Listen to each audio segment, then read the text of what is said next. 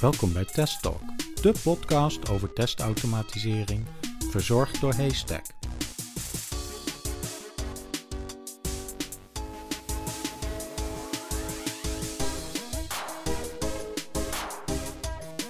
Vandaag aflevering 6. Codeless ontwikkelen betekent ook codeless testen.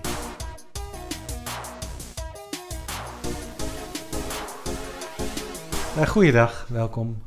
We zijn hier weer met, uh, ja, voor de podcast van Haystack. We zijn met vier mensen. We hebben Iwan. Maarten. Maarten.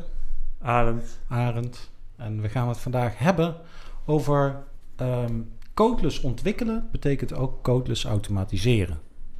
En voordat we echt op dat in onderwerp ingaan, ben ik eigenlijk wel benieuwd: wat is uh, no-code en uh, uh, low-code ontwikkelen nou precies?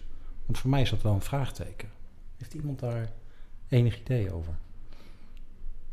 En ja. het verschil daartussen ook, hè? tussen no-code en low-code. Ik heb een klein beetje een idee. Kijk, ontwikkelen met code heeft iedereen denk ik wel een beeld bij. Hè? Of je pakt Java of C-Sharp of whatever en je gaat uh, code, kloppen. En uiteindelijk uh, vormt die code of een service op een applicatie. Maar dan ben je dus echt als ontwikkelaar ben je aan, het, aan het programmeren. Nu uh, zijn er een aantal frameworks, bijvoorbeeld Mendix, waarin je zegt nee, je ontwikkelt niet, maar je, je modelleert. je modelleert een scherm of je modelleert functionaliteit. En het tool Mendix genereert daar op de achtergrond code voor, zonder dat je dat als ontwikkelaar zelf hoeft te doen. Dus je bent eigenlijk ook geen Mendix-ontwikkelaar, maar een uh, Mendix-modelleur, zoals dat zo mooi heet. Dan heb je nog steeds de mogelijkheid om wel in te grijpen in de Java-code die daar gegenereerd wordt.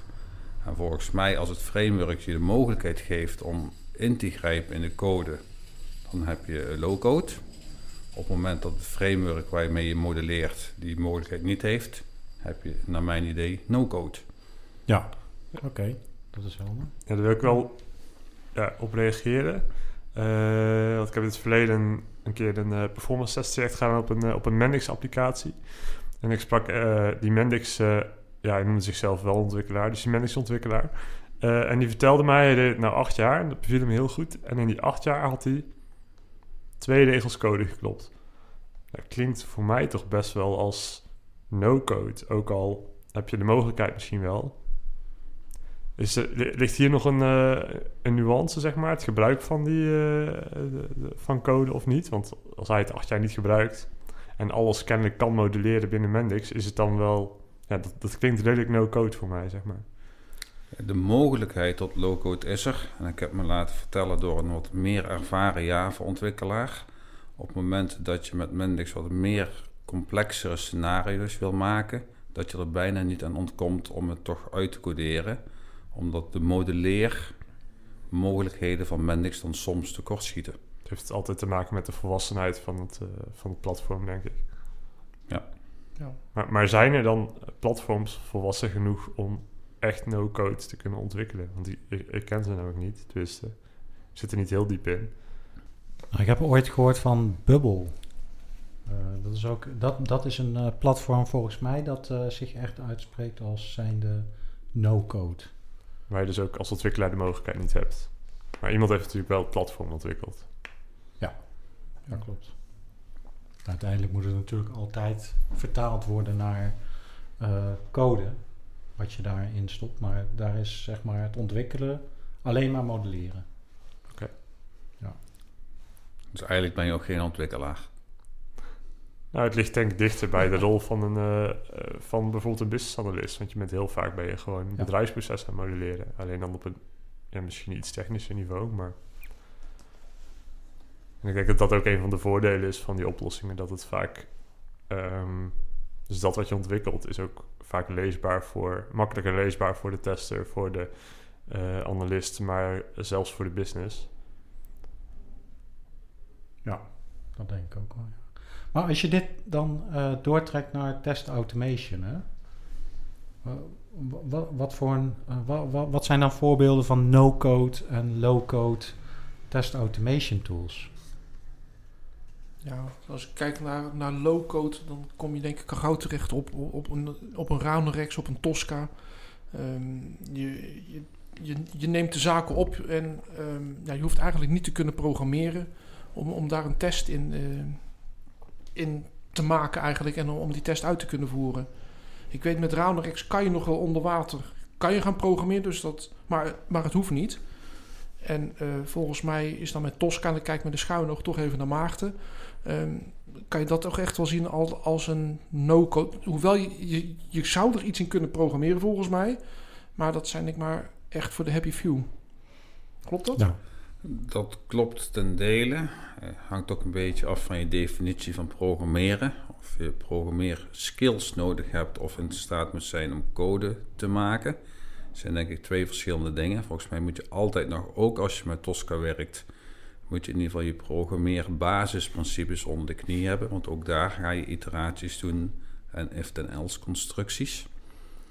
Uh, wat je wel terecht opmerkt, Iwan, is dat het inderdaad maar een happy few zijn. Of ze happy zijn, weet ik overigens niet. Die in staat zijn en die uh, Tosca onder de motorkap mogen openknippen. Om op basis van uh, C-sharp modificaties te doen. Om bijvoorbeeld je objectherkenning aan te passen, zodat die niet meer out of the box is. Um, over het algemeen wordt dat niet veel gebruikt en heeft ook wel erg nadelen dat je niet moet willen. Maar dat is in die zin is het denk ik wel Tosca echt wel een voorbeeld van een low-code testautomatiseringsoplossing. Ja. Toch low code. Ja. Daar wil ik ook heel even op inhaken, want wat jij zegt over die programmeerskills met betrekking tot uh, logica, zeg maar. In Tosca, dat heb je natuurlijk in een uh, low-code oplossing uh, als Mendix ook nodig daar, uh, dat, dat komt daar ook heel vaak terug. Ja. Dat heb je denk ik altijd nodig. Denk ik ook. Binnen het modelleren, denk ik dan. Ja, dat, nou, dat, dat denk ik inderdaad ook wel wat Maarten uh, terecht ook opmerkt. Um, ook al werk je in, in, in een no-code of low-code omgeving, je moet nog steeds nadenken hoe ga ik om met variabelen, uh, een if-then constructie, of als dan, of hoe je ook ding ook wil noemen. En ja, je hoeft niet voor te kunnen programmeren, te kunnen ontwikkelen, maar je hebt wel het, het gedachtegoed erachter, denk ik, wel nodig. Ik denk dat je wel moet kunnen programmeren, maar dat je niet zozeer de syntax van een bepaalde taal nodig hebt om dat tot uitdrukking te brengen. Ja, precies. Ja. Ik denk dat ik snap wat je bedoelt. Ja, dan zit ik uh, te denken, er wordt wel heel vaak gezegd van bij die, bij die low-code en no-code oplossingen, raak je flexibiliteit kwijt. Hoe, hoe, hoe, zitten jullie daarin? Hoe kijken jullie daarnaar? Nou, ik denk dat je bij een echt no-code oplossing dan, ja, je gaat altijd flexibiliteit kwijtraken, want je kan niet meer, je, kan dat wat het framework aanbiedt, zeg maar. Uh, bij een low-code oplossing heb je natuurlijk wel nog uh, wat flexibiliteit, omdat er nog zaken zijn die je zelf kan, uh, kan uitprogrammeren. Uh, maar je levert een stukje flexibiliteit misschien in. Um, maar het levert ook wat op, namelijk dat je misschien gestandaardiseerder werkt, omdat je gestandaardiseerde blokjes gebruikt. je code is begrijpelijk voor iedereen. Ik denk dat het toegankelijker is voor. Ehm, als je bijvoorbeeld kijkt naar een DevOps organisatie, naar DevOps teams, ehm, waar je in nou, de organisatie waar ik nu werk, werken we in een DevOps team waar iedereen toch wel zijn eigen specialisme heeft. Um, en waar het toch nou, voor een analist bijvoorbeeld niet voor de hand ligt om, om programmeerwerk op te pakken. Maar op het moment dat je met een low-code oplossing gaat werken, dan wordt het ontwikkelwerk zelf toch wat dat betreft denk ik toegankelijker. Waardoor je misschien meer die rollen kan, kan verdelen over de verschillende mensen in de teams. Uh, maar waardoor een analist ook ontwikkelwerk op zou kunnen pakken of een, of een testanalysewerk of nee. Of is het niet juist een valkuil doordat het wat makkelijker lijkt te zijn, dat je eerder fouten maakt omdat je uiteindelijk niet, misschien niet goed begrijpt welke principes je zal moeten toepassen, omdat je alles bij elkaar kan klikken. Ja, dat is, dat is, zou een valkuil kunnen zijn, maar ik denk dat je daarom er juist ook in zulke situaties voor moet waken dat je uh, kwaliteitsprocessen in uh, gewoon in tussen laat, dit laat, laat controleren, zeg maar. Dus ook low-code oplossingen zul je gewoon moeten testen. Zoals je dat bij codeoplossingen ook doet. En die vind ik op zich wel heel erg interessant. Want ga je dan ook de losse blokjes, ga je die ook apart testen? Ehm, Wat ik als, eh, als ik in een team zou zitten met ontwikkelaars, dus wel zou doen. Al, alle eh, blokjes die, ten, die een ontwikkelaar maakt, die ga ik natuurlijk wel allemaal los testen. Maar als die er al standaard in zitten, moet je die er nog gaan testen? Of ga je op een low-code systeem eigenlijk alleen maar je processen, dus alles wat je achter elkaar hebt gezet, ga je dat eh, testen? Ja, goede vraag. Ehm, in principe verwacht ik van een framework eh, met blokjes dat het pri- eh, die, die, die beschikbaar zijn voor de, voor de ontwikkelaars, voor de modelleurs. Verwacht ik dat ze werken, dus dat ze ook getest zijn. Maar het kan nooit kwaad om het eh, nog eens te controleren, zodat je zeker weet dat hij dat doet wat jij verwacht en dat jouw verwachting ook overeenkomt met de beschrijving van het blokje. Ehm, maar dat hoef je natuurlijk niet. Eh, dus dat hoef je niet zo vaak te doen. Want als dat blokje niet verandert, wat het niet doet, en wel op heel veel plekken gebruikt wordt, dan, Ja. denk, ja, dan denk ik niet dat je dat. eh, Dus je zegt dat eigenlijk van, eh, oké, we hebben Mendix en er zitten een aantal blokjes in, Mhm. maar die moeten we wel gaan testen functioneel. Dus we moeten eigenlijk heel Mendix, Mendix testen. Dat, dat denk ik dus niet. Ja, dat, is, dat is een beetje het lastige, dat is even zoeken. Wat, eh, wat wel en wat niet. Hoe kijk jij daarnaar, Maarten? Nou, als je kijkt naar Mendix, hè, je, je modelleert eh, flows, even los van je schermen en van je, van je datamodel, wat je ook modelleert in Mendix. Dan eh, modelleer je echt functionele flows. En dat doe je met out-of-the-box functionaliteit van Mendix. Hè. Je, je mag aannemen dat eh, de mensen van Mendix, dat ze hun eigen tool eh, goed testen, zoals Microsoft ook Microsoft Office al dan niet goed test. Eh, de functionaliteit om tot een bepaalde flow te komen. Ik denk niet dat je dat moet testen. Hè? Als je als Office aanschaft, ga je ook als organisatie niet Office testen. Dan ga je vanuit, ik kan Excel gebruiken, ik kan Word gebruiken, Outlook. Wat denk ik veel interessanter is, uiteindelijk wordt er Java-code gegenereerd. En dan pakken we even het oldschool V-model erbij. Als je het dan hebt over een teststrategie, testautomatiseringsstrategie, is er dan nog bijvoorbeeld noodzaak om unit-testen te gaan schrijven op die Java-code die door Mendix gegenereerd wordt? Of zeg je ook, nou dat is ook geëmbed in het framework, dus dat hoeft niet. Dus ons startpunt van een test, testautomatiseringsstrategie is een soort van functionele test, systeemtest. Die doen we en we doen een acceptatietest. Nou, nou ben ik wel benieuwd. Dus als je in Mendix die eh, Java genereert, hè, worden daar dan niet automatisch eh unit testen bij gegenereerd? Want op het moment dat jij zegt van ik, ik heb een low-code oplossing, ik ga dingetjes aanpassen, dan wil je dat daar ook unit testen worden, voor worden opgezet. Nou, in mijn perceptie worden die unit-testen niet door het framework gegenereerd. Wat vind, je daar, wat vind jij daarvan, eh, Iwan? Van dat Ehm, feit? Ik denk inderdaad dat eh, de, de, de, de standaard component, ja, daar ga je geen, geen unit test automatisch iedere keer bij aanmaken en laten runnen. Want dat is, ja, wat Maarten aangeeft, dat kan je vergelijken met, met een pakket Office. Ja, maar dat component mag jij aanpassen. Ja, en ik vind dat je dan de verantwoordelijkheid als ontwikkelaar hebt om dan zelf de unit test erbij te gaan schrijven. Maar dan moet je ook unit testen gaan schrijven voor dat hele component, wat al helemaal ontwikkeld is door een Mendix. Eh, waar je net zo goed naast de code ook al unit testen voor had kunnen genereren. Om in ieder geval waar te borgen dat hij nog precies doet wat hij zou moeten doen. Ook, ook als jij bepaalde aanpassingen. En je weet van tevoren, weet, weet, weet je toch niet welke aanpassingen echt doorgevoerd gaan worden. Ja, maar je weet wat dat component moet doen.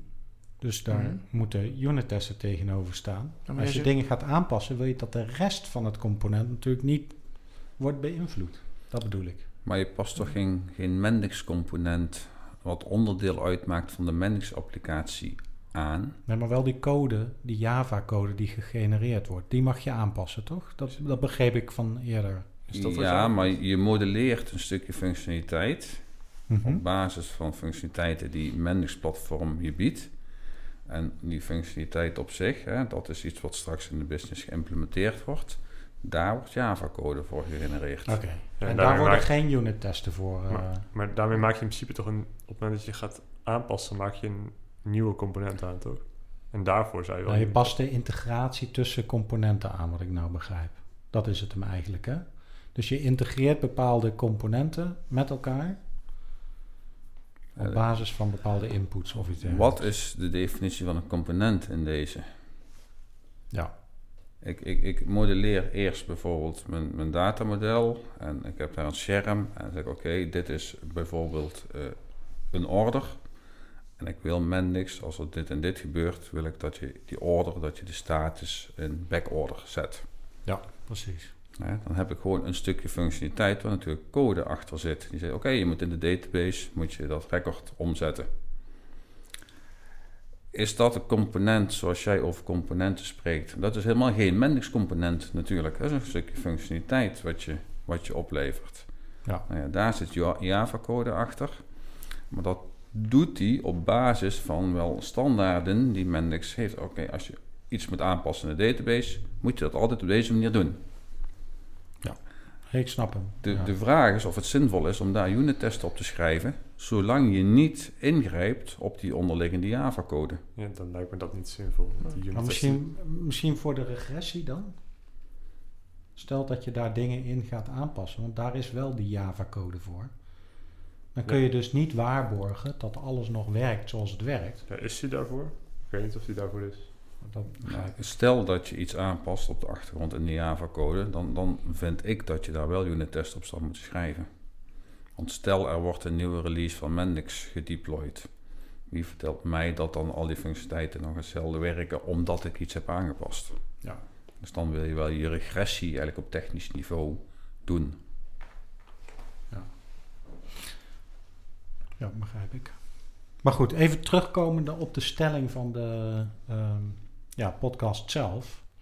Kijk, stel dat we inderdaad, eh, de stelling is van eh codeless ontwikkelen betekent codeless automatiseren.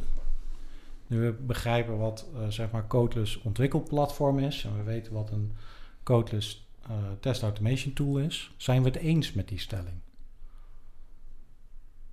Niet per se. Ehm, ik, ik, ja, code vol eh, ontwikkelen betekent ook niet automatisch code vol automatiseren. Ik bedoel, je kan een nagenoeg eh, of een low-code eh, platform als, als Tosca wordt echt niet alleen maar ingezet bij no-code oplossingen. Ja. Ehm, en ik denk dat dat hier ook geldt. Ik denk dat je gewoon de meest geschikte tool moet kiezen. En stel jij wil een, een stel je wil GUI testen doen op een Mendix applicatie met een Mendix GUI.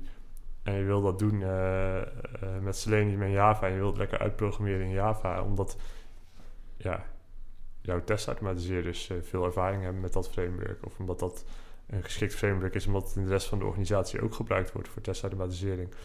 Waarom zou je dan kiezen voor een, voor een andere oplossing? Omdat we misschien als organisatie ook wel een bepaald doel hebben om eh codeless te ontwikkelen dan wel te modelleren. Dat, dat kan. En als dat zo is, dan kan dat een reden zijn om te kiezen. Maar het hoeft niet. wa- wat voor doel hebben we het dan over, bijvoorbeeld? Nou, als ik kijk bij een, een van de klanten waar ik nu zit, die eh, hebben eh, weinig technische mensen in het IT-bestand zitten. En dan ligt het niet zo heel erg voor de hand om bijvoorbeeld een Java en een Selenium oplossing met er Cucumber overheen te pakken voor je testautomatiseringsframework. Dan heb je onvoldoende kennis van Java bijvoorbeeld in huis om dat te doen. Ja, maar dat is toch een andere argumentatie om te kiezen voor eh, codeless automatiseren. Dat is prima. Dat het de, de, automa- de argumentatie om codeless te ontwikkelen kan prima hetzelfde zijn als die om codeless te automatiseren. Maar die hoeven niet verbonden met elkaar te zijn. Voor zelfs dat heb jij een hele andere reden om voor Mendix te kiezen. En kan je prima eh, met een Java Selenium oplossing gaan werken. Nee, dat, dat kan. Eh, maar het de- kan zo zijn dat je dezelfde argumenten aandraagt om het eh, juist wel of juist Ja. niet te doen. Nee, dat Ja. kan zeker valide zijn. Maar, maar ik denk niet dat het per se zo moet zijn dat omdat ik een, een codeless of low-code in een codeless of low-code platform een software ontwikkel, dat ik dan om die reden ook eh, met een eh, codeless of low-code automatiseringstool moet gaan werken. Nee.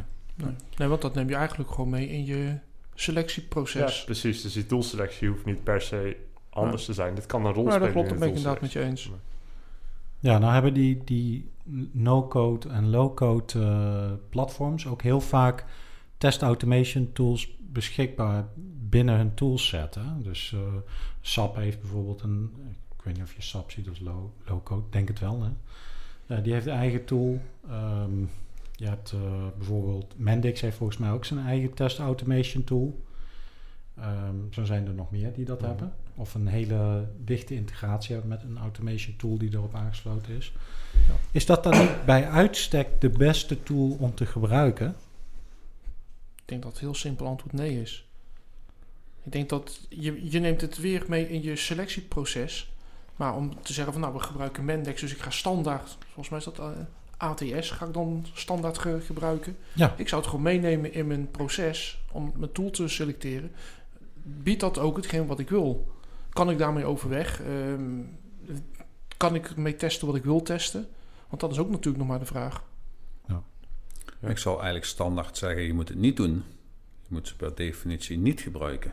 Maar de integratie tussen die componenten en zeg maar die testtool, die zijn natuurlijk, eh, die worden ook geüpdate met elkaar. Dus gebruik je die tool, dan wo- wordt, worden jouw testen misschien ook wel geüpdate als er binnen eh, het, het, development platform dingen gewijzigd worden. Zolang die tool jou niet beperkt, hoeft dat niet erg te zijn. Inderdaad. Maar ik snap wel, ik denk dat ik snap waar Maarten naartoe wil. Want eh, nou ja, als de ontwikkelaar van de testtool dezelfde is als van het platform, eh, ja, dan kan die je ook zeg maar sturen in een bepaalde richting. Ervoor zorgen dat je misschien dingen minder goed kan testen dan je zou willen. Ja, daar wil ik eigenlijk niet naartoe. Niet? Oh, nou, dat, dat, wil ik dan zelf graag meegeven in deze discussie. Eh, nee, maar waar, waar ik eigenlijk op doel is, uiteindelijk is eh, zo'n modelleerplatform, daar modelleren we één soort applicatie mee. En als je kijkt naar het applicatielandschap waar de meeste organisaties mee zitten, en, en de processen en interactie met andere applicaties, andere organisaties, heb je vaak een veelheid aan verschillende technologieën die je ook bijvoorbeeld in geautomatiseerde test zou moeten ondersteunen. Eh, veel van de tools die geëmbed zijn in het modelleerplatform zijn specifiek voor dat platform gemaakt en ja, hebben niet altijd de mogelijkheden om dan ook nog andere technologieën te testen. Wat je eigenlijk, bijvoorbeeld als je het over een keten- of integratietest, wel zal willen. Nou, dus voornamelijk bij dat soort situaties loop Ja. je tegen beperkingen aan. Maar dat is wat Iwan ook al zei, dat is denk ik allemaal onderdeel van je toolselectie. Ja. Het hele, het hele landschap wat je wilt testen, niet alleen de specifieke low-code eh, applicatie. Nou, dus ik denk dat eh, iedereen in deze kamer hetzelfde denkt. Het hangt helemaal van je toolselectie af. Ja. Of je nou codeless gaat testen of Ja. niet. En ook of je inderdaad, wat Maarten zegt, één tool wil gebruiken om, om, om meerdere platformen te testen. En misschien ook gezegd, nou, we hebben een aantal teams die werken alleen Mendex. En alleen de Mendex-applicatie wordt met de eigen tool ge- getest. En de ketentesten, daar gebruiken we weer een andere tool. Ja, het, het, het hangt er allemaal vanaf van hoe, hoe wil je het zelf eh, inrichten. Helder. Goed. Eh, we zijn redelijk aan het einde van de podcast gekomen. Zijn er nog wat eh, ja, tips voor mensen die met codeless platforms eh, eh, te maken hebben? Met betrekking tot testen? Iwan? Kijk heel goed wat je nodig hebt. En dus ja, toolselectie, kom ik eigenlijk weer op terug. Ehm, ja, nee, voor de rest heb ik eigenlijk geen tips. Maarten? Ja, ik denk dat, dat codeless tooling in ieder geval niet de heilige graal is. Dat het nog altijd voorop staat. Dat je heel goed moet realiseren hoe dat je eh, testautomatisering conceptueel moet opzetten met de juiste principes. Ja. En dat een eh codeless omgeving eh, het vaak zelfs lastiger voor je maakt in die end om het eh, goed herhaalbaar op te zetten. Oké. Arend? Ja, ik kan eigenlijk helemaal aansluiten bij wat, eh, wat Iwan en Maarten al, eh, al zeiden. Oké. Dan was dat hem. Bedankt. Iwan, Maarten en Arend. Ja, ook bedankt Erik. bedankt.